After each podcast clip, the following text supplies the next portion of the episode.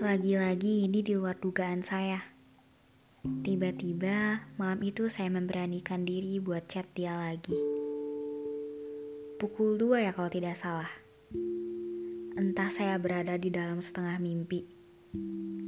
Yang jelas, setelah kurang lebih lima bulan kita lost kontak, malam itu seketika berubah menjadi malam-malam sebelum dia ngeghosting saya.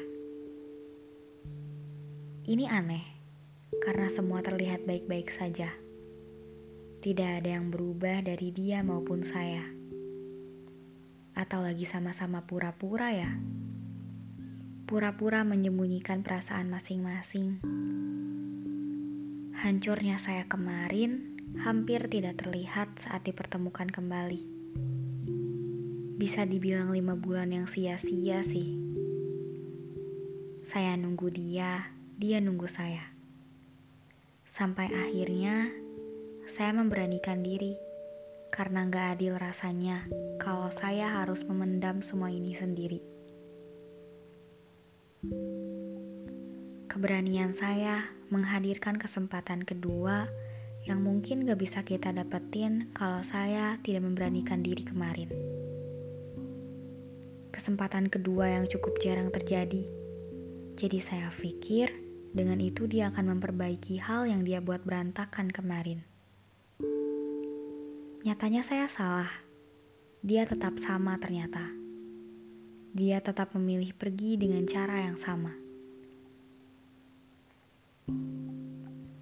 Kita hampir ketemu. Katanya ada film bagus bulan ini. Rencana-rencana kecil lainnya sudah saya susun sedemikian rupa. Excited banget. Karena jujur, ini pertama kali saya janjian sama cowok jadi panik sama senengnya, jangan ditanya.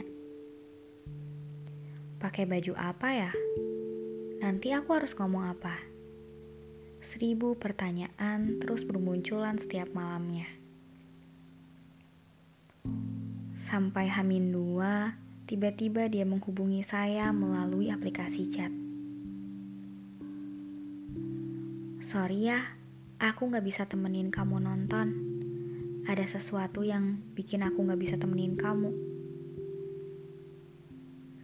Saya gak bisa berkata-kata sih. Udah saya duga dari awal.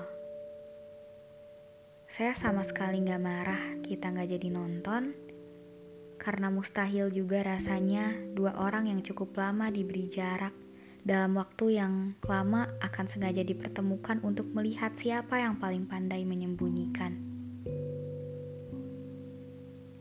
Udah cukup capek dikecewain terus sama ekspektasi.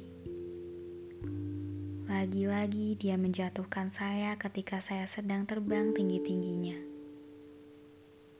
Kecewa, tapi gak bisa marah.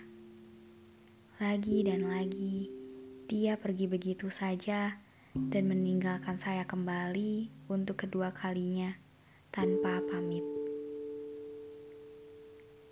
Ini terulang kembali dejavu rasanya. Dia meninggalkan saya di saat hati saya penuh dengan harap. Nyatanya, manusia suka mengulangi hal yang sama, ya.